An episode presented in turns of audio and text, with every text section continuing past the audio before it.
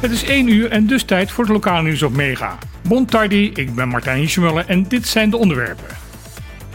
Mensen die op Bonaire of op een van de andere BES-eilanden buiten hun schuld werkloos worden, gaan recht krijgen op een werkloosheidsuitkering.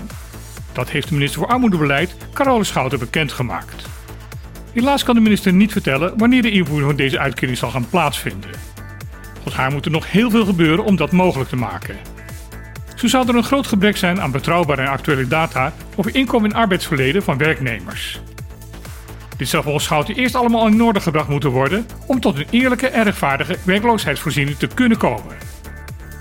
Daarmee is het ook duidelijk geworden dat dit dossier niet afgerond kan gaan worden door de huidige demissionair minister. Die taak zal weggelegd zijn voor een volgend bewindspersoon.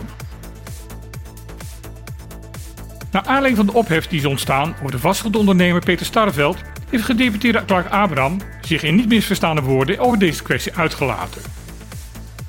Op zijn Facebookpagina zegt de gedeputeerde dat Bonaire steeds weer wordt misleid door Nederlandse investeerders die hier komen om snel hun zakken te vullen.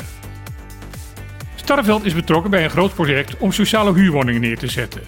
Hij gebruikt hiervoor een prefab bouwmethode die zou moeten zorgen dat de huizen in een hoog tempo gebouwd kunnen worden. Vorig jaar werd een contract gesloten tussen het bedrijf van Starreveld en verschillende overheden, waarbij hij beloofde om in 2025 440 woningen af te leveren. Daarbij zou een fabriek komen op Bonaire om de prefab onderdelen hier te kunnen maken.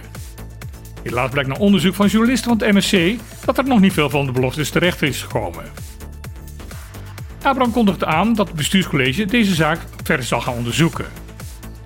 Ondertussen is op Facebook een levendige discussie ontstaan over deze kwestie, onder andere tussen Abraham en Hensen Tielman, de voormalige gedeputeerde die mede aan de wieg heeft gestaan van de overeenkomst met ondernemer Starreveld.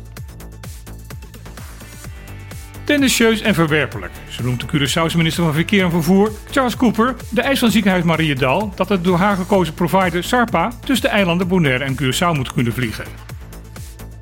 Volgens hem waren zowel het ziekenhuis als de vliegmaatschappij al jaren op de hoogte dat de Curaçaose luchtvaartautoriteiten daar geen toestemming voor kunnen geven. Ook de stellen van Mariedal dat SARPA moet vliegen omdat er geen alternatief zou zijn, schuift Cooper resoluut van tafel.